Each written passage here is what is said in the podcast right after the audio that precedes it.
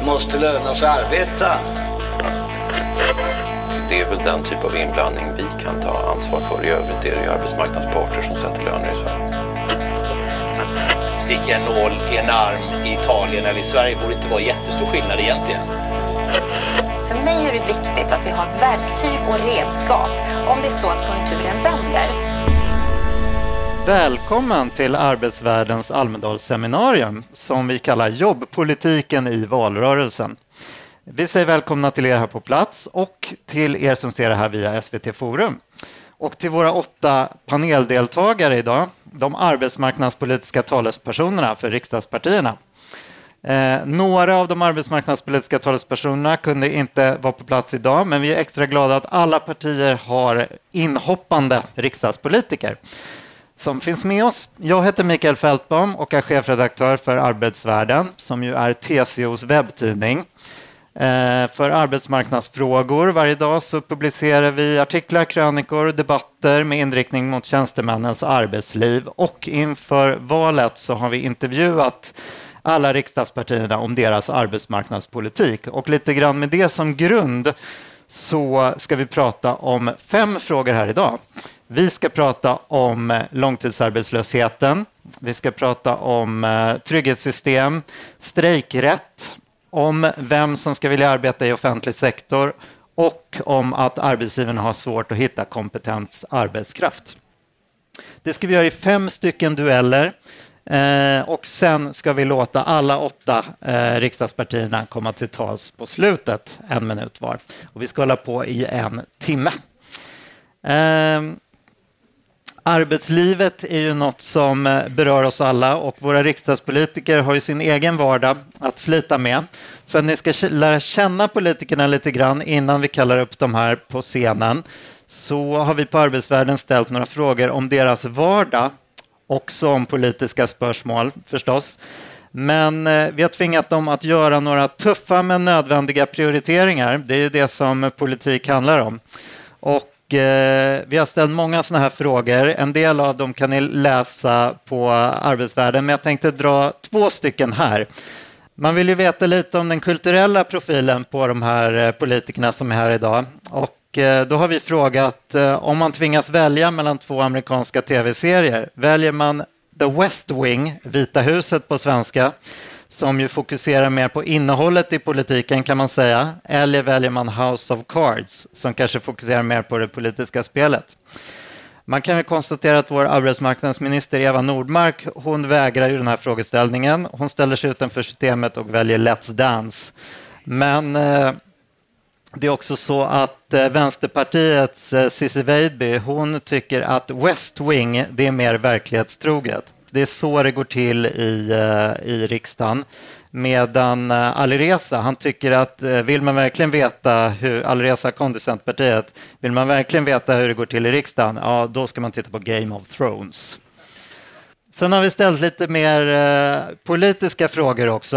Eh, men det är fortfarande tuffa val. Men här kan vi se en väldig samling kring god arbetsmiljö. Många av er eh, i panelen här senare har ju, talar ju lite av egen erfarenhet. Ni har upptäckt att god arbetsmiljö är att föredra. Eller så kan vi tolka det som att eh, politiken inte kommer lägga sig i valrörelsen kanske i höst med riktade bidrag till olika yrkesgrupper. Vi får väl se. Vi kommer få anledning att prata mer om eh, både arbetsmiljö och om politikerna kan skapa någon press i den frågan. Inför vår första duell så välkomnar vi upp på scen Patrik Åkesson för Kristdemokraterna och eh, Socialdemokraternas Anna Johansson.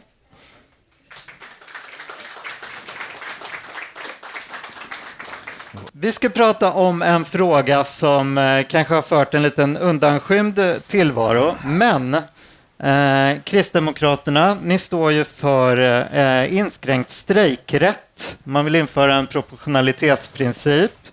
Eh, ni vill också inskränka sympatiåtgärder, det vill säga att eh, andra arbetsplatser kan delta i eh, konflikter. Det här är ju förslag som delas av andra borgerliga partier och av Sverigedemokraterna. Därför är min fråga, kan vi efter valet få se ett eh, arbetsrättsskifte i de här frågorna? Nu är det ju så att vi följer och, och vi värnar även om det avtalet som vi har kommit överens om. Så det är ingen risk för det. LAS-avtalet? LAS-avtalet, precis. Men eh, det var ju länge sedan, det var ju 60, 70, 80-talet som eh, det var konfrontationer mellan fack och arbetsgivare. Det jobbas ju på ett annat sätt nu. Jag vill rätta dig en sak. Eh, jag är ju inte riksdagsledamot än, utan jag är ju eh, egentligen företagare. Och från det har jag ett helt annat perspektiv. Eh, och jag vill här lyfta fram ett företag, ett speciellt företag som jag har jobbat mycket med, nämligen Volvo och i synnerhet Volvo Olofström. Där jobbar man på ett helt annat sätt. Eh, man samarbetar. Facket är en del i processen för att, att föra fram företaget och göra det bästa för det. Man jobbar, man jobbar tillsammans för att utveckla företag på kort och på lång sikt. Men när vi frågar er företrädare i arbetsmarknadsutskottet, Mikael Anefur, i våra intervjuer, mm. då säger han att eh, lite undflyende när vi frågar, ja men nu har vi, ni kommit överens om ett LAS-avtal, är det fred nu i arbetsrätten? Säger han ungefär att vi har inte slutat tycka som vi tycker bara för att vi har ett LAS-avtal. Ni vill Nej. ju fortfarande ha fler undantag i turordningsreglerna till exempel. Så är det, men eh, vi har ju ett avtal och vi, vi värnar det. Och det men, betyder men att, eh, att när det, även om det finns en riksdagsmajoritet efter valet för en förändrad arbetsrätt så kommer ni inte driva det? Vi har, ingen såna, vi har inga sådana diskussioner i vårt parti idag i alla fall. Känner Anna Johansson sig trygg med de beskeden, eh, Socialdemokraterna? Jo, men det gör jag faktiskt. Eh, alla riksdagspartier utom ett har ställt sig bakom den proposition som lades på riksdagens bord under våren här. Och eh, det tolkar jag som att man också är, har accepterat att det är parterna som har gjort upp. Man har kommit till en överenskommelse. Man har tagit en del och gett en del och kommit fram till en helhet som alla kan leva med. Eh, och då förutsätter jag att alla de riksdagspartier som har röstat för den eh, propositionen också kommer att stå upp för det avtalet framåt i tiden. Så att jag känner mig ganska trygg med det. Okej, då Däremot vi... ska man ju säga att strejkrätten har ju inte avhandlats i den eh, propositionen. Däremot så gjorde ju eh, parterna upp om strejkrätten för ett par år sedan. Eh, och, det hade, och jag tänker att om man nu har accepterat LAS-överenskommelsen så som den ligger med alla dess delar så tänker jag att då kanske man också ska ge, låta bli att tafsa på strejkrätten därför att det skulle ju förskjuta maktförhållandena mellan parterna på arbetsmarknaden. Och LAS-överenskommelsen är ändå ett, ett, väldigt bra golv att utgå ifrån. Så att, eh, låt bli strejkrätten. Just det. Eh, idag utses ju skyddsombuden av facken. Eh, regeringen ville ju att de här skyddsombuden även skulle ha tillgång till eh, arbetsplatser som inte hade kollektivavtal. Men det sa eh, oppositionen nej till och ville istället ha en utredning om de regionala skyddsombudens roll. Varför då? Vad är syftet med det här? Nej, men det finns ju bra och det, finns, det finns eh, dåliga skyddsombud. Eh, jag har rätt mycket erfarenhet av det här. Det är inte så mycket av dåliga skyddsombud faktiskt, eh, men däremot har jag hört kollegor som har fått eh, både byggen stoppade och så vidare. Och det är en sak om det är säkerhetsskäl, men man, om man inte får en motivation, då är det ett problem. Men jag vill föra fram en annan eh, situation. Jag har varit med om, jag har ett byggbolag också i Karlskrona, där jag bygger en, eh, en, eh, en byggnad, eller har gjort färdig nu, som är 25 meter hög, med ganska stora risk, riskmoment. Jag bygger åt NKT, Sveriges största kabelfabrik. Eh, där hade vi skyddsombud som var helt underbara kan jag säga. De följde hela vår process, de vägledde oss och eh, de rättade till när vi hade gjort fel i våra ritningar. De var med från hela byggprocessen ända fram till, till slutskedet. Det är precis så det ska vara. Och då undrar jag, den här kompetensen, sitter den på något vis i ryggraden för att man är fackansluten? Är det inte då viktigare kanske att man låter den som är, har bäst kompetens på en arbetsplats, oavsett om man är med i facket eller inte, få vara skyddsombud. Det lämnar vi över till Anna mm. Johansson. Nu kommer vi in på ja, eh, en, nästa fråga, så att säga. Mm. Precis. Nej, men jag ska börja med att säga att det var ju inte så att man sa att eh, det, det, det här som du började med, det var ju att regionala skyddsombud skulle få tillträde till arbetsplatser där man inte hade fackligt anslutna men fortfarande hade kollektivavtal. Det. Eh, och det är väldigt viktigt för att ha schyssta konkurrensvillkor mellan företag inom till exempel byggbranschen där vi vet att en del eh, arbetsplatser med mycket uthyrd och utstationerad arbetskraft till exempel, där är arbetsmiljön sämre och där skulle de regionala skyddsombuden kunna göra en enorm skillnad genom att faktiskt få komma in och göra skyddsronder och rätta till det här som, som beskrivs hur man jobbar. Eh, jag tänker att det finns flera skäl till att skyddsombud ska vara kopplade till facket. Ett är att vi har en ordning på svensk arbetsmarknad där parterna företräder, så att säga, där, där facken företräder de anställda och där vi har arbetsgivarparten och där arbetsmiljöarbetet ju är i allra högsta grad ett partsgemensamt arbete eh, och där att man, Skyddsombudet blir också en facklig företrädare som finns på varje arbetsplats och har en enormt viktig roll på det viset. Eh, det finns en annan aspekt också. Och jag tänker också att vi vill ju, ha, vi vill ju bevara och utveckla vår svenska arbetsmarknadsmodell. Eh, för varje uppgift man tar ifrån den fackliga organisationen så försvagar man också incitamentet för fackligt medlemskap, vilket faktiskt på sikt riskerar att erodera hela den svenska arbetsmarknadsmodellen. Så jag tycker inte man ska experimentera med det. Det tredje argumentet är kanske lite mer praktiskt. Och det är så att som skyddsombud så behöver man ju ha utbildning, men man behöver också ha ett stöd i sitt uppdrag. Och om man inte har kopplingen till facket, där man kan gå utbildningar, där man kan ha nätverk, där man kan utveckla sig, vem ska stå för det då? Är det företaget, där det kanske inte är så himla bra om man då ska kunna företräda sina arbetskamrater fullt ut? Arbetsmiljöverket ska ju inte ha den rollen, de ska ju vara en kontrollerande myndighet. Där har ju facken en enormt viktig uppgift att också säkerställa att skyddsombuden får förutsättningar att göra sitt jobb. Så att låt skyddsombuden fortsätta vara fackligt kopplade. Bra, det lät som skyddsombuden kan bli en hetare fråga än arbetsrätten. Alltså, jag får faktiskt tacka er eh, Tack. därmed. Eh, tack så jättemycket. Tack. Och kalla upp eh, nästa gäng på scenen. Då är det Centerpartiets Alireza Akhondi och Vänsterpartiets Cissi Weidby. Och ni ska få diskutera långtidsarbetslösheten och Arbetsförmedlingens reformering. Långtidsarbetslösheten har ju svårt att ge vika. Arbetslösheten börjar gå neråt från pandemiåren, men det ser inte lika positivt ut för de långtidsarbetslösa, de som har varit arbetslösa mer än ett år eller ännu värre för de som har varit arbetslösa två år. Vad är den viktigaste åtgärden som politiken kan göra för att skapa jobb åt arbetslösa? Eh, Cissi, du får börja.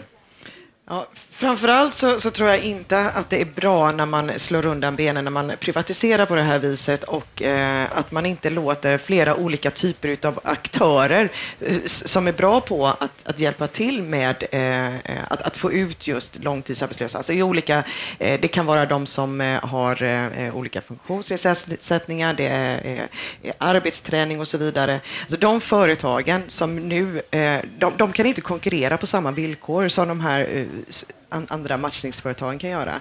Så det är en sak jag tycker man ska låta bli med att göra i alla fall. Det som han har gjort nu på Centerns initiativ i Arbetsförmedlingen. Alireza, då får du försvara den eh, reformen.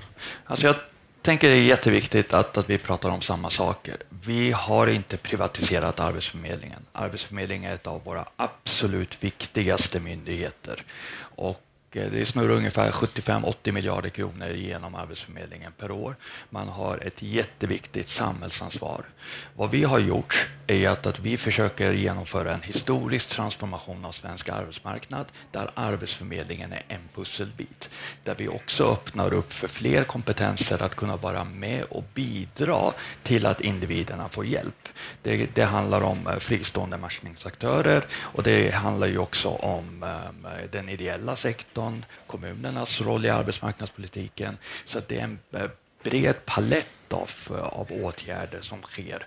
Så den här bilden om att vi privatiserar Arbetsförmedlingen, det, det, den är Är inte du, är du nöjd med den reform som ni har genomfört? Har den gett några resultat? Så här, vi har ju då, jag brukar jämföra den här reformen med ett husbygge. När man bygger ett hus så gör man ju då eh, markundersökning för att se vad, vad det är för förutsättningar. Det gjorde man i den statliga arbetsmarknadsutredningen på tusen sidor. Sen har vi då med de här propositionen som nu riksdagen har fattat beslut om lagt grunden för det här husbygget. Resterande del av husbygget, resa stommar och tak och fönster och så, det sker inom ramen för det förordningsarbete som regeringen förfogar över. Så vi har en lång resa innan reformeringen är i hamn. När kan vi se resultat menar du? Systemförändringar, strukturförändringar tar alltid tid innan de får full effekt. Och för att få en bra effekt på långtidsarbetslösheten så behöver man också in i andra politikområden för att den samlade effekten ska bli eh, gynnsam. Vilka politikområden då?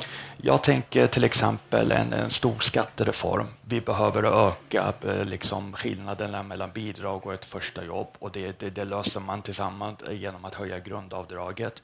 Man behöver rensa i utbildningssystemet, se till att, att utbuden hänger med så att vi kan kompetensförsörja företagen. Arbetslöshetsförsäkringen, idag är den ett hinder så att eh, hindrar individen att få ta del av insatser innan de skrivs in i, i garantierna. Så det är väldigt många pusselbitar som vi behöver jobba med samtidigt. Cissi, du har kritiserat eh, reformeringen av Arbetsförmedlingen. När, vad tycker du att vi, kan vi se några resultat idag eller när kan vi se resultaten och hur, vad kommer de bli? Jag vill bara börja med att säga att eh, det finns jättemycket saker som man skulle behöva göra med Arbetsförmedlingen. Alltså det finns alltid alltså en, en, en reform i, i att eh, eh, verkligen eh, jobba med, med, bra insatser eh, och med bra företag, sociala företag som faktiskt kan, kan ge det stöd och den matchning som väldigt många personer som står långt ifrån arbetsmarknaden behöver. Vi har eh, SFI, vi, som sagt, vi har arbetsträning och alla de här sakerna. Det är intressant ändå att, eh, att Alireza och Centerpartiet väldigt ofta säger att men det tar ett tag innan vi ser detta. Eh, för det blir ett experiment, som så många andra marknadsexperiment som vi, som vi ser i samhället. Vi har sett det inom vården, vi ser det inom skolan, där, där det viktigaste inte alltid är eh, det som, alltså att vi, när vi tappar kontrollen över när det är marknaden som ska styra. Och som Vänsterpartiet, eh, vänsterpartist så tycker jag ju att, att det här är en så pass stor och viktig del. Eh, inte bara det att, att vi vill att alla människor ska arbeta, alla människor ska ha rätt att ha ett arbete också utifrån sina förutsättningar och så vidare. Och jag tror och jag tänker tänker att det här är en statlig angelägenhet. Alltså vi ska äga arbetsmarknadspolitiken och då ska vi också liksom äga hur, hur den här myndigheten fungerar och hur vi får ut människor i arbete. Eh, vi behöver ju inte fler eh, arbets, eh, alltså marknadsexperiment i det här landet. Alireza, det har ju kommit en del, det har blivit en fråga om kommunerna ska få driva egna arbetsförmedlingar. Eh, det finns en moderat i Östra Göinge till exempel som säger att eh, Centern eh, är mer intresserade av Almega-företagens marknader än av de arbetslösa och nu tar vi upp handsken där Arbetsförmedlingen har övergett oss och startar vår egen arbetsförmedling. Hur ser du på det där? Är det så att Centern försvarar marknadsintressena framför de arbetslösa? Den här typen av så att säga, ordval gör mig på riktigt ledsen experiment. Alltså det, det, det Sveriges främsta expert experter har, har, jobbat med de här frågorna på olika nivåer. Vi har tagit in jättemycket input från väldigt många kunniga Forskningen människor. säger väl att det inte finns någon skillnad på privata aktörer och på Arbetsförmedlingen? Om man inte ger dem rätt förutsättningar. Det här handlar inte om att, att måla med breda penslar. Det här handlar om skruv och mutter. Det här handlar om tydliggörande av roller. Kommunerna fyller en jätte, jätteviktig funktion i arbetsmarknadspolitiken, men inte i den tjänsten. Jag menar, rätt aktör ska utföra rätt insatser för rätt målgrupp i rätt tjänst. Och det ska finnas en bred palett av olika tjänster inom ramen för Arbetsförmedlingen för att individen ska kunna få hjälp. När jag var ny på arbetsmarknaden så sökte jag 601 jobb. Fick 600 nej, ett ja. Jag, alltså min vision, varför jag brinner för det här, är ju att, att nästa person ska inte behöva få 600 nej innan det får ett ja. Och då kan man inte inte liksom slänga ur sig epiteter med marknadsexperiment eller att vi springer liksom privata företags ärenden, för det gör vi inte. Cissi, jag tänkte fråga dig som avslutning. Om ni nu kommer i maktställning, kan påverka en socialdemokratisk regering, vad vill ni göra med Arbetsförmedlingen? Ja, men framförallt så vill vi vill verkligen ha en större statlig styrning, för jag tror att det är så vi, vi, måste, vi måste komma till bukt med långtidsarbetslösheten. För vi vet om att väldigt många av de människor som är arbetslösa nu och som söker jobb, väldigt många klarar sig ändå. Vi måste ju eh, inrikta oss på de personer som vi faktiskt har svårt, som vi måste hjälpa att rusta och, och matcha, och det ska vi göra på ett kontrollerat och bra sätt.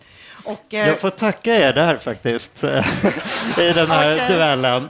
Eh, vi har ett hårt minutschema att följa. Ja. Tack så jättemycket. Tack så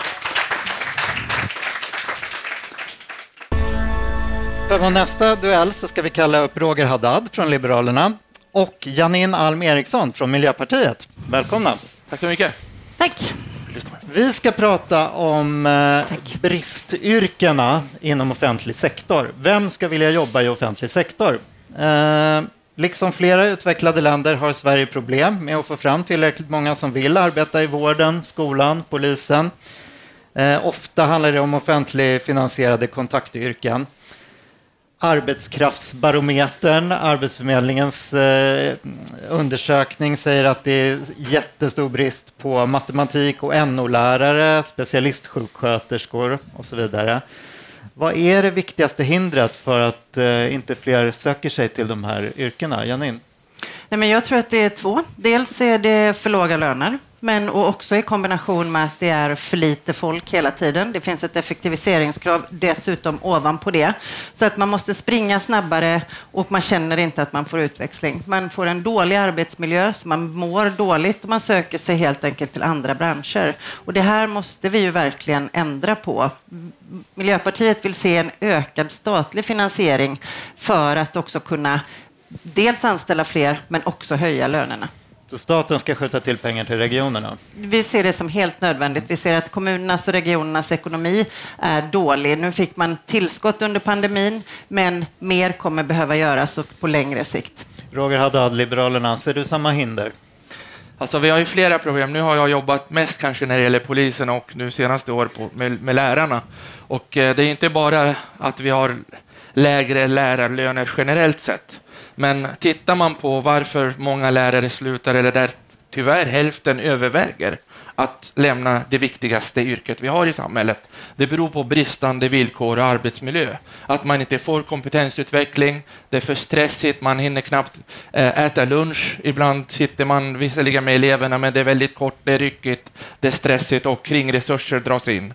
Eh, och sen vet vi också att det inte tyvärr lönar sig att utbilda sig och ha långa akademiska utbildningar i Sverige utifrån ekonomiska politiken och skattepolitiken som vi har. Så att läraryrkets status måste vi höja för att eh, locka fler och rätt elever till lärarutbildningar. Vi har ju oerhörda avhopp på, på vissa lärarutbildningar, inte minst de långa ämneslärarutbildningarna. Sen när det gäller poliserna, ja dels har det ju eh, experimenterats med, lärar, eller med polislönerna också, där för några år sedan så höjde man för eh, de eh, nyexaminerade som kom ikapp de poliser som hade varit i tjänst i fem, sex år. Ja, det skapar inte entusiasm. Så att polisavhoppen som skedde efter reformen 2015 har vi ännu inte återhämtat oss ifrån och samtidigt ökar andelen invånare så att vi har lägre polistäthet idag jämfört med när Eh, vi hade makten i alla fall. Till ganska stora delar är det här ett eh,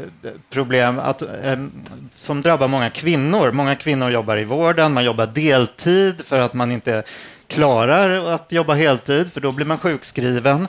Eh, TCO gjorde nyligen en undersökning där man säger att eh, kvinnor med eftergymnasial utbildning är så mycket som var fjärde som säger att man har fått besvär som har lett till begränsningar även i livet utanför arbetet av sitt arbete. Eh, när vi pratade med eh, er representant, Miljöpartiets representant Leila Ali Elmi i, i eh, arbetsmarknadsutskottet så var hon inne på det här med arbetstidsförkortning. Är det ett alternativ? Ja, men det tror vi också. Och när det kommer in fler som jobbar i vårdyrkena, eh, både på regional och kommunal nivå, så kommer de ju också, det kommer bli fler kollegor och man kommer kunna eh, jobba mer med arbetstiderna. Det ser vi inom många andra betydligt mer manliga yrken, att man faktiskt har en väldigt Ofta handlar det också om arbetstidsförkortning i avtalen som skrivs fram. Vi ser väldigt sällan det i till exempel vården. Eh, så att olika former av attraktivitet kommer vi behöva ta fram, men det absolut mest grundläggande är ju att det blir fler kollegor. Vi vet till exempel att sjukvården lider otroligt av det här, att vårdplatser Jättemånga är stängda därför att vi helt enkelt inte har sjuksköterskor och vårdpersonal så att de kan öppna. Och alla de här yrkena handlar ju om det grundläggande, det som vi väldigt ofta diskuterar och det är just samhällets trygghet. Och då är ju vården och polisen, eh, men även våra unga barn och ungas uppväxtvillkor otroligt viktigt. Och här ser jag att det har ju varit alldeles för splittrat och nu behöver staten komma in och ta ett större finansiellt ansvar. Eh, därför att det ser också väldigt olika ut över landet och vi måste ju få eh, en bra vård var du än bor i landet. Dina barn ska kunna få en bra skola oavsett var och du ska kunna känna dig trygg. Det pågår ju lite av en debatt här i Almedalen kan man säga, där facken i välfärden har bildat en förening för eh, att eh, höja eh, nivån på eh, arbetsmiljön och eh, SKR hade en debattartikel i DN häromdagen där man sa att eh, ja, man pratar om att en halv miljon människor fattas i vården. Vi har jättemånga eh, äldre nu som börjar bli dementa, en stor årskull. Eh, det kommer krävas enorma insatser och även om hela arbetsstyrkan i stort sett, de kommer in på arbetsmarknaden, skulle jobba i vården så skulle det inte räcka till. Vi är helt enkelt för få människor. Handlar, räcker det med bättre villkor eller eh, hur ser lösningarna ut om vi är för få som kommer in på arbetsmarknaden? Roger? Jag tror inte, absolut inte på arbetstidsförkortning. Vi behöver ta hand om dem och locka fler som vill jobba inom till exempel välfärdsyrken som skola, polis och, och undersköterskejobb. Men vi har också en akademisering av Guds nåde när det gäller utbildningspolitiken som stänger ut många som skulle kunna göra en insats som vårdbiträde eller hjälpa till. Eh, här riktar jag också en signal eller budskap till facken att ska vi verkligen ha sådana här höga utbildningskrav även på grundläggande krävande arbetsuppgifter. Så där man skulle kunna få in fler ungdomar eller utrikesfödda. Vi har ju en långtidsarbetslöshet där 63 procent är utrikesfödda och ju mer högre utbildningskrav vi ställer och allt ska vara akademiserat, då blir det dels missmatchning, men det, det, stänger också ut väldigt många. Men det vi också inte har nämnt ännu när det gäller arbetsmiljö för lärarna, det är ju också hot och våld inom skolan som tyvärr ökar har fördubblats de närmaste de senaste fem åren. Och hur ska vi lyckas rekrytera till det viktiga yrket med sådana arbetsmiljöproblem? Ni återkommer ju båda till arbetsmiljöfrågorna. Jag tänkte ställa en avslutande fråga. Vad gör ni själva när ni träffar regionpolitiker? Det är ändå ganska mycket de som har makten över de här frågorna för att eh, lyfta arbetsmiljöfrågorna. När var senaste tiden när ni gjorde något konkret för att, och pratade med era regionpolitiker av samma partifärg? Janine? Nej, men vi lyfter ju hela tiden att de måste få större attraktivitet i yrkena. Vi måste få folk att orka stanna kvar, vilja jobba och då handlar det ju jag tycker att det är synd att Liberalerna stänger dörrar här, för jag tror att vi måste liksom vara redo att titta på en massa olika lösningar. Vilken regionpolitiker i ditt eget parti sa du det här till senast? Eh, det sa jag till Karin Thomasson som är vår företrädare för regionerna i SKR. Och det här är en diskussion som vi har uppe hela tiden. Vi har ju nu också kommit med ett förslag från nationell nivå på tal om just eh, statlig finansiering om 40 miljarder under några år för att få 50 000 fler medarbetare och 2 000, det är 1000 kronor mer eh, i lön i månaden. Och det ska skalas upp och sen ligga på den nivån. Så att därför är den här diskussionen väldigt eh, intensiv hos oss också hela tiden. Roger, vilka regionpolitiker talar du med? Ja, i första hand om man tittar på undersköterskor och sko skolan, då är det ju våra kommunala kollegor. Och där, till exempel i Västerås, där jag själv kommer ifrån, då styr vi över hela skolväsendet lokalt. Och då är det viktigt att prata om både löneutveckling, arbetsmiljö, men också satsa på kringresurser. Och det är därför vi nationellt driver att skolan är en nationell statlig angelägenhet och att huvudmannaskapet ska lyftas upp till staten så att vi kommer ifrån de här lokala skillnaderna och tyvärr de stora besparingar som får det sker runt om i landet inom skolväsendet. Bra, jag får tacka er så jättemycket för den här debatten. Tack. Då ska vi kalla upp nästa gäng på scen. De ska diskutera trygghetssystemen och det är Magnus Persson, Sverigedemokraterna och Mats Gren, Moderaterna. Era två partier har ju väldigt olika syn på a-kassan, kan man säga. Sverigedemokraterna är, har väl det mest generösa förslaget för a-kassan och Moderaterna det minst generösa. Eh, Magnus Persson, eh, du har själv haft a-kassa, säger du i våra intervjuer. Varför är det viktigt med hög a-kassa? Ja, för, för det första ser vi inte vi a-kassa som ett eh, bidrag. Eh, jag hänger jättemycket upp när man säger det, kallar a-kassan bidrag. I vår värld så är det en omställningsförsäkring. Och jag vet ju egen erfarenhet, liksom, med småbarn, nyinköpt villa och blev byggnadsarbetare, som jag är i grunden, då va? blev varslad för helt enkelt, och man sitter med det här och klumpen i magen man känner liksom, hur ska jag klara, ska jag kunna bo kvar i mitt hus, hur ska det gå för familjen? Och eh, de som går på a-kassa, ofta så hittar de ett nytt jobb ganska snabbt. Så det, det, ju- det blir ju som en omställningsförsäkring. Liksom för mig tog det fyra månader, sen hade jag ett nytt jobb, så jobbar jag för fullt igen. Va? Och tittar man hur många som går på a-kassa, så de flesta de hittar ett nytt jobb väldigt, väldigt snabbt. Så därför hänger jag upp mig på synen på att det är ett bidrag. Det är en omställningsförsäkring och den ska vara allmän.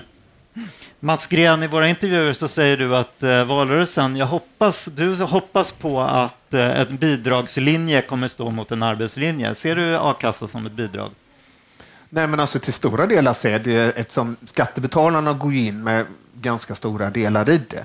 Men oavsett vad så kan man väl ändå konstatera att i vårt perspektiv så ligger SD ganska nära Socialdemokraterna i synen på a-kassan och vi tycker väl heller att det stora problemet i Sverige det är ju inte att det är för lönsamt att arbeta utan att det är för lite lönsamt att arbeta. Det säger också ganska mycket att eh, vi har liksom 500 000 människor arbetslösa trots att du har branscher som bara skriker efter folk där du dessutom inte har några förkunskap. Det, det är inga krav på förkunskap för att kunna komma in och arbeta för det sköter branschen själva, exempelvis restaurangbranschen. Och det säger ganska mycket om att eh, vi behöver öka drivkrafterna för arbete för att ha pengar att investera i välfärden. Man blir intresserad av, eh, vid ett eventuellt regeringsskifte i höst då, om eh, kommer Sverigedemokraterna ställa några ultimatum när det kommer till a-kassans nivå? Hur ska ni kunna komma överens? Ja, vi lyckades ju väldigt bra i den senaste budgetförhandlingen här till exempel med MKD i vår budget. Då fick vi behålla den höga nivån, 1200 kronor. Och, eh, det är bara så att eh, vi är ju garanten i ett konservativt, konservativt block för att det inte ska gå för långt till höger. Så att det finns Är ni det? Finns ja, några vi är det och vi, vi är det och vi kommer vara det. Det kommer vara vissa röda, linjer vi ska dra. Och, Eh, vill Kristersson bli statsminister så blir han inte det utan Sverigedemokraternas stöd och eh, det är absolut inte gratis. Jag frågar dig Mats eh, Gren. När det gällde pensionerna så uppfattade jag det som en viktig princip att eh, inkomstprincipen, att eh, pensionen skulle följa med den livsinkomst man hade haft när man arbetade. Det här verkade inte gälla för arbetskassan, utan där snackar vi nästan mer om en sorts grundnivå. Med ert förslag så, ja, innan eh, regeringen höjde nu i spåren av corona, då var det ju ungefär 60 procent kanske som fick 80 procent av sin lön. Eh, eller förlåt, när de höjde var det 60 procent, men innan dess var det 30 procent som får 80 procent av lönen. Ni vill gå ännu lägre. Ska inte a-kassan, precis som pensionerna, följa med inkomsten? Nej, men alltså, pensionerna, bra pensioner bygger ju på att folk arbetar i så hög utsträckning som möjligt. Eh, så därför kan man inte ha samma princip som gäller där. Och när det gäller pensionerna så vill vi också höja pensionerna över hela linjen. Vi vill höja lika mycket som de rödgröna vad gäller de sämst ställda pensionärerna. Men vi vill också höja pensionerna för, för alla pensionärer. Sen kan jag tycka att det är ganska orättfärdigt med det rödgröna förslaget och där är jag och, och Magnus helt överens. Att en person som inte arbetat en enda dag i Sverige kan komma hit och få egentligen samma pension som en person som har arbetat hela sitt liv i Sverige för en väldigt låg lön. Jag vill ju påstå att det är liksom direkt orättfärdigt. Så det är klart att vi behöver ju ha en, en a-kassa som stimulerar till arbete hela tiden därför att annars har vi liksom inga, inga pensioner egentligen att prata om. Allt Så kokar ju ner till det. a-kassan ska följa en annan princip. Det ska vara mer av en grundtrygghet.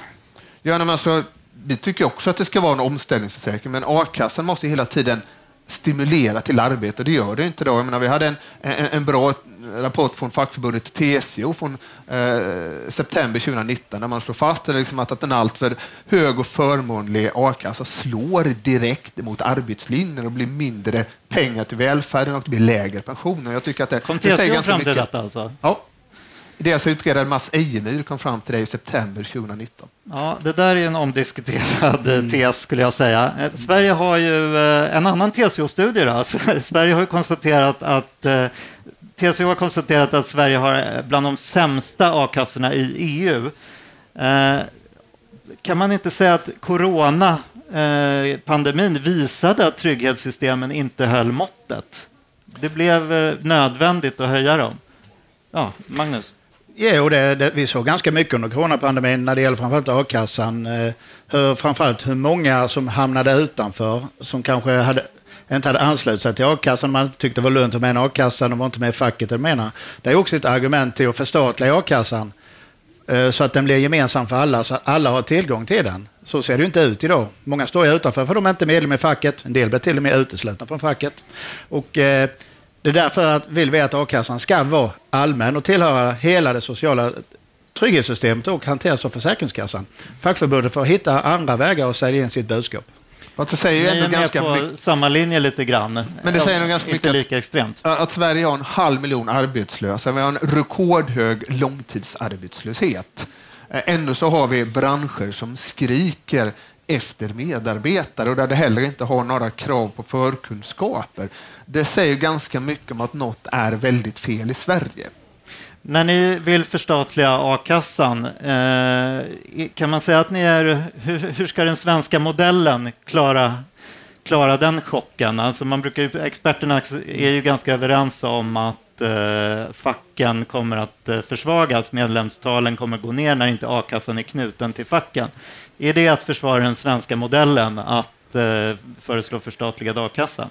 Ja, det har jag absolut inga problem med alls. Eh, fackförbunden spelar en viktig roll på den svenska arbetsmarknaden liksom, och vi står bakom den svenska modellen.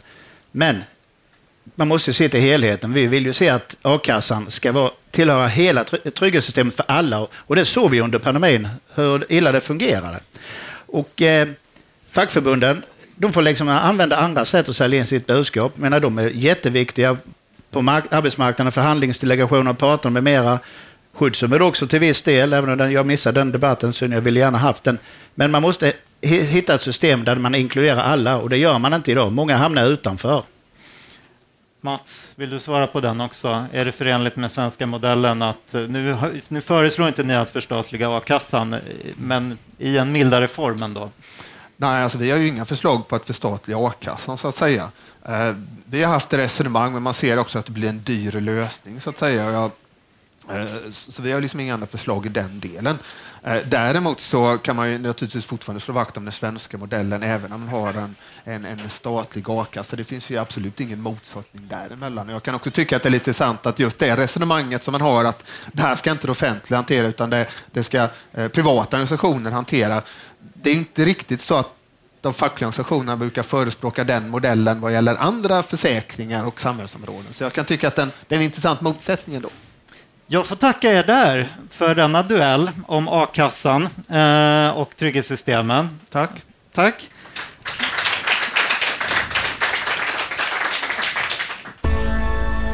Vi har kommit till vår avslutande duell. Eh, den kommer handla om kompetensbristen i privat sektor framför allt. Och där är det Mats Gren, du får komma upp igen, Moderaterna. Och Anna Johansson ska komma upp också för Socialdemokraterna.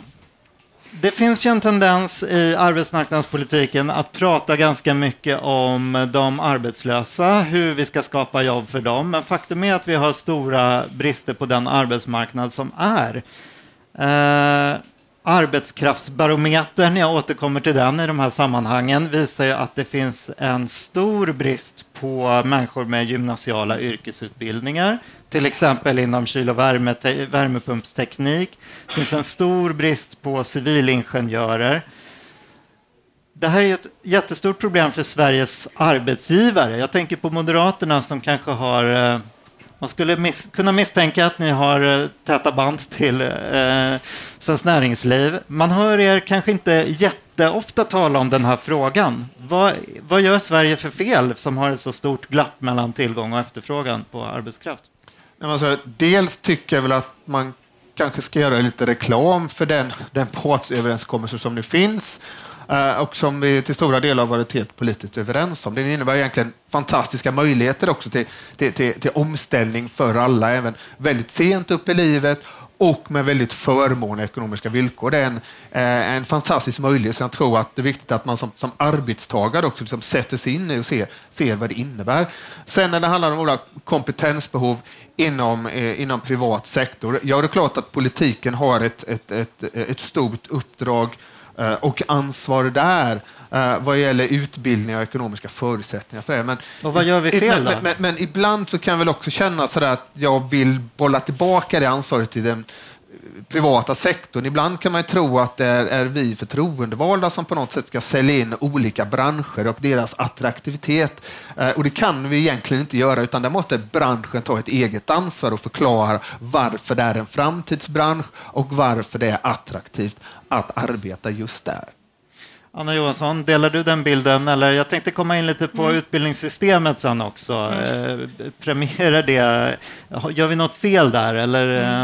eh, ni har ju ändå varit eh, ansvariga här i regeringen i många år, sedan 2014, för till exempel utbildningssystemet. Och det kommer ständigt förslag, ja, men till exempel då från TCO på att man ska eh, skapa fler kortsiktiga utbildningar för de som redan är på arbetsmarknaden, och kunna kompetensutveckla sig vidare och så. Men eh, vad, är det det här som är problemet, eller vad ser du?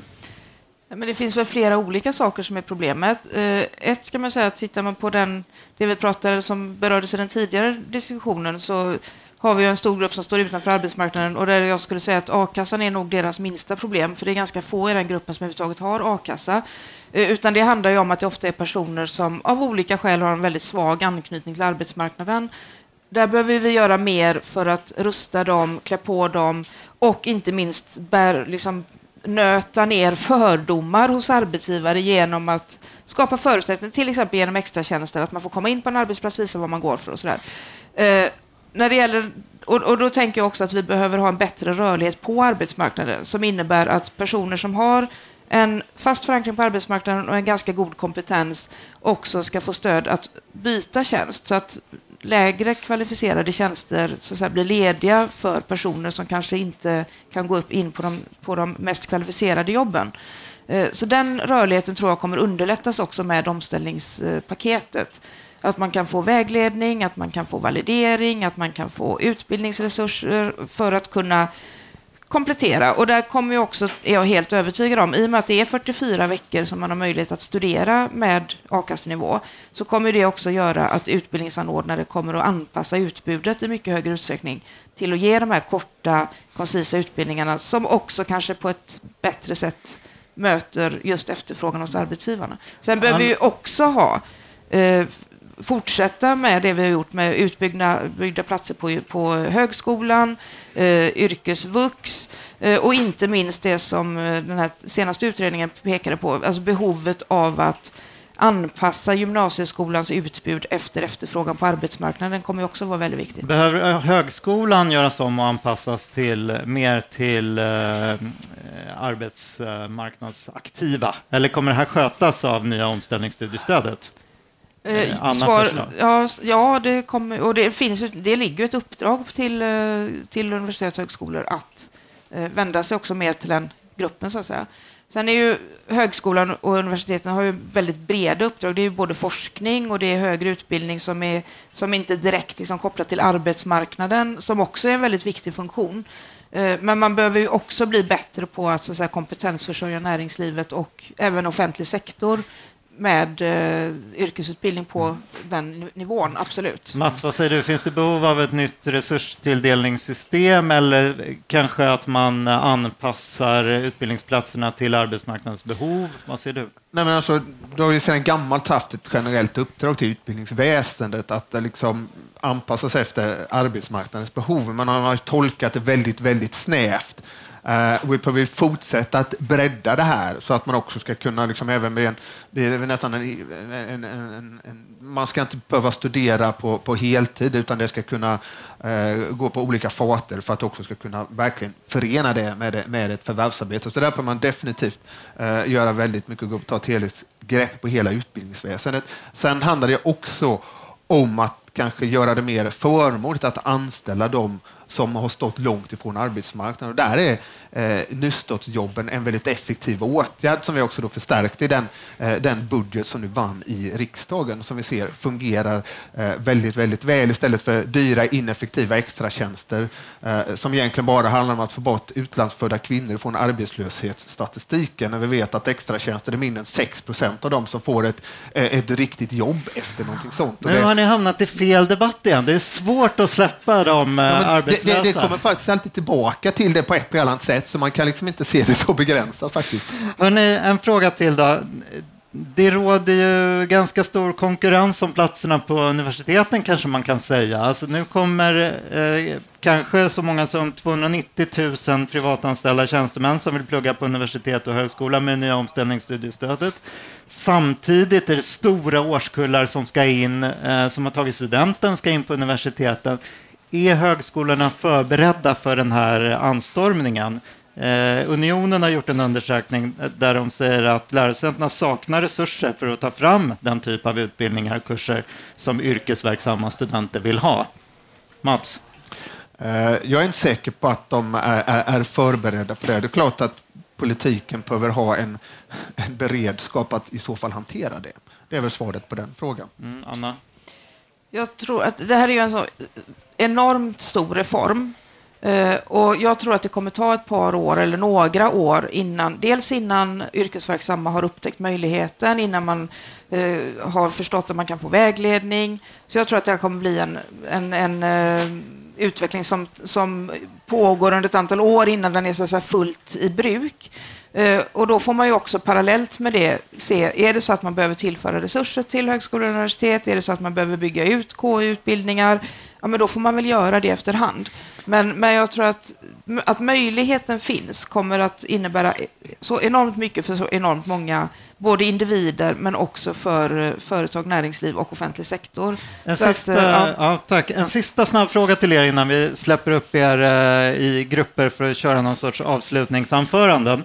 Eh, har ni själva vidareutbildat er under yrkeskarriären och tror ni att ni kommer behöva det? Mats? Uh, nej, inte under yrkeskarriären, men jag kommer definitivt behöva det.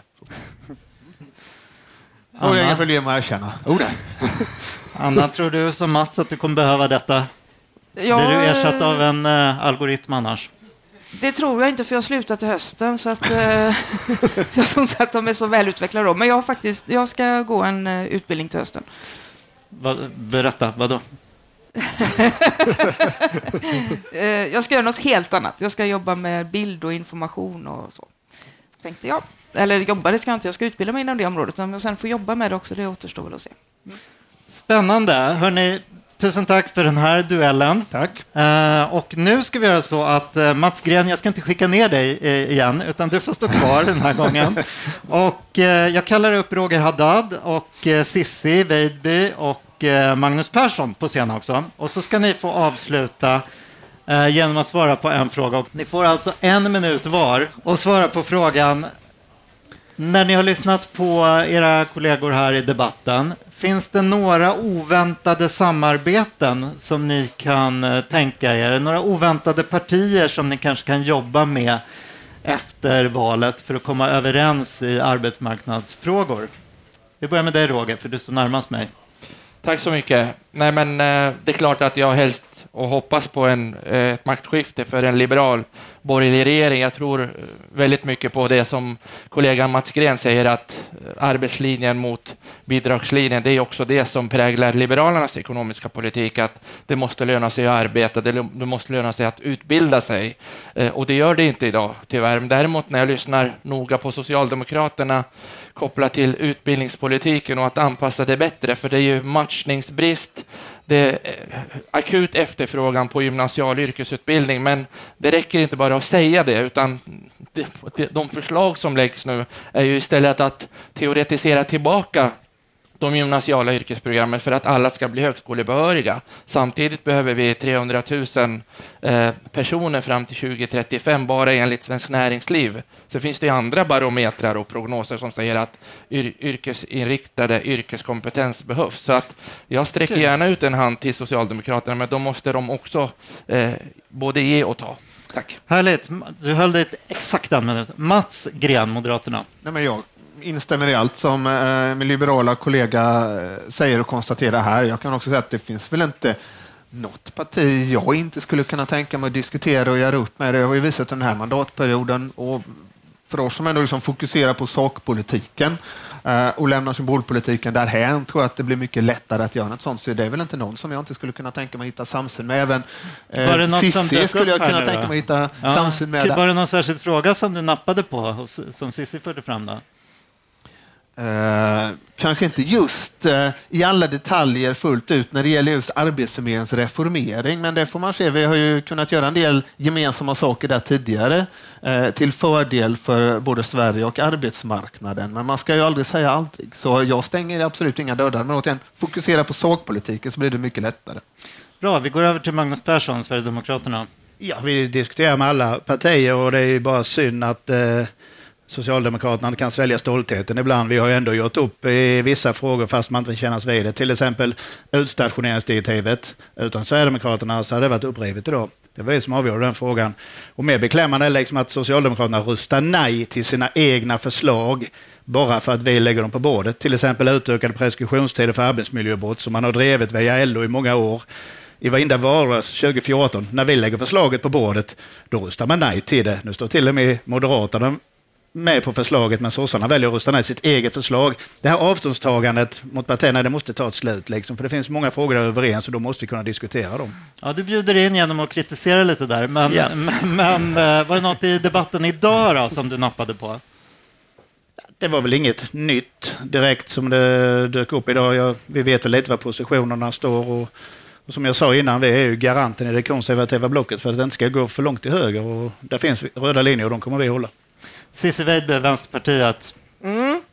Alltså just idag har det inte kommit jättemånga överraskningar ska jag säga, men sen när det kommer till alltså vilka frågor som, som vi absolut kan, kan samarbeta med andra kring, det är ju jättemånga olika arbetsmiljöfrågor där, där faktiskt många av våra partier ändå, ändå är ganska överens om, om att eh, eh, vi, vi måste ha bättre eh, lagar. Det kanske är så att man också ska, att det ska finnas mer sanktioner i liksom en arbetsmiljölag och så vidare. Så där, där tror jag definitivt att jag skulle kunna, att man skulle kunna hitta mer samarbete.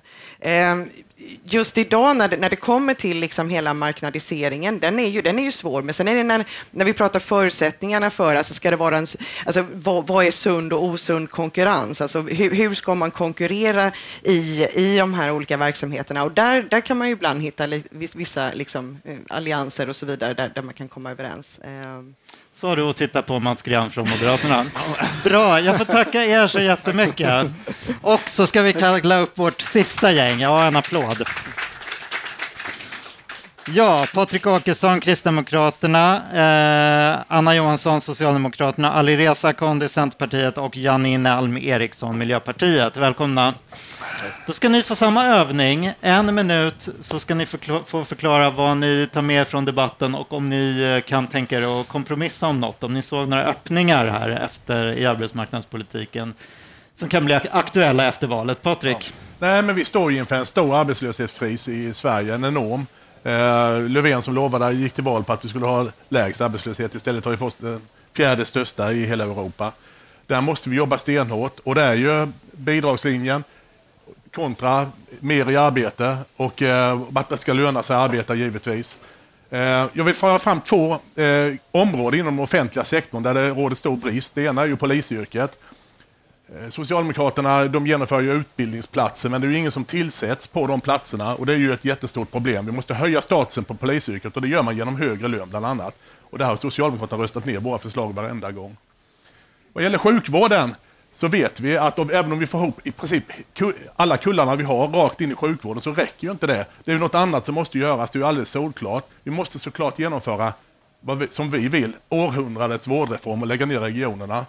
Vi pratar om organisationsutveckling som varenda stort företag gör, men det största företaget vi egentligen har i landet, sjukvården, de har inte gjort någonting vad gäller utveckling egentligen sedan 1862. Bra. Janine, vad såg du i debatten som får dig att eh, se kompromisser? Nej, men vi ser ju precis det som jag sa, att vi måste ta ett ökat statligt ansvar för finansieringen av eh, bland annat vården. Polisen har vi gjort väldigt mycket och rullat ut jättemycket. Det här med att vi, vi måste ju få tillbaka folk också till de yrkena de är utbildade för och då tror jag att vi behöver titta på väldigt många olika delar som vi också var inne på förut. Höjd lön, fler eh, kollegor och eh, ändrade arbetstider.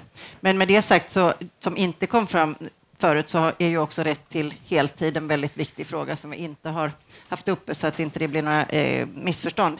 Men jag skulle faktiskt vilja ta upp eh, att vi skulle kunna tänka oss med eh, Liberalerna och Roger Haddad. Vi vill ju liksom inte förstatliga skolan, men däremot så har vi ju gemensamma, ser vi ju gemensamma utmaningar där. Men, eh, och att att staten kanske måste gå in mer. Men det vi ser ännu mer i skolan och svårigheterna för lärarna är ju att vi idag har en sån ojämlik skola och att den är så segregerad så att man har svårt att få lärare till vissa skolor medan man väldigt gärna vill vara på andra. Och här ser vi att vi måste få bättre jämlika förutsättningar i hela landet inom alla våra yrken som vi pratat om idag.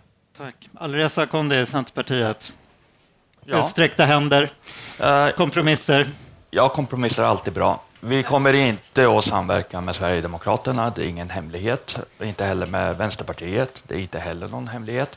Men eh, vi är beredda att, att samtala och kompromissa med eh, övriga partier i riksdagen. Ehm, för min del, jag vill, jag vill förändra Sverige Eh, till gagn för oss som, som lever i det här landet. Jag vill ha en skattereform, jag vill ha en reform av utbildningsväsendet, jag vill fullfölja reformeringen av arbetsmarknaden, jag vill adressera klimatkrisen, bekämpa gängen. Den här cirkusen, sandlådan som har varit under den här mandatperioden, den måste få ett slut. Skattereform, spännande att du tog upp den. Mm. Janine står ju här i finansutskottet bredvid. Anna Johansson, du får avsluta vår runda. Ja, nej, men jag tänker att vi går till val på vår politik. Vi tror att vi har den bästa politiken också på arbetsmarknadsområdet. Eh, där vi vill värna trygga jobb, eh, fler jobb, eh, minska långtidsarbetslösheten, stärka rättigheter för människor, inte minst i offentlig sektor, förbättra arbetsmiljöarbetet, motverka arbetslivskriminalitet och så vidare. Men efter ett val så är det klart att då kommer ju de förutsättningarna som väljarna ger oss kommer ju att behöva hanteras. Och vi tog ansvar för fyra år sedan. Vi kommer ta ansvar i höst igen eh, och sätta oss och diskutera med de partier där vi kan hitta gemensamma nämnare och som vi är beredda att, som ändå har någon sorts gemensam grund i eh, respekt för den liberala demokratin och så där, så är vi beredda att diskutera med många partier om lösningar. Det gjorde vi med januariavtalet och vi kommer alltid vara beredda att ta ansvar för att Sverige ska kunna styras. Tack så mycket. Med det tackar vi den här delen av vår panel. Patrik, Janine, Alireza och Anna. Ja, då så. Då ska jag bara säga att ni kan fortsätta följa debatten på arbetsvärlden.se. Eh, prenumerera gärna på vårt nyhetsbrev och läs nu alla de här eh, hastighetsmätarna som vi hade uppe här, de här svåra vägvalen i artikeln som vi kommer producera från det här seminariet. För oss återstår att säga tack till paneldeltagarna och tack till er som lyssnade i publiken.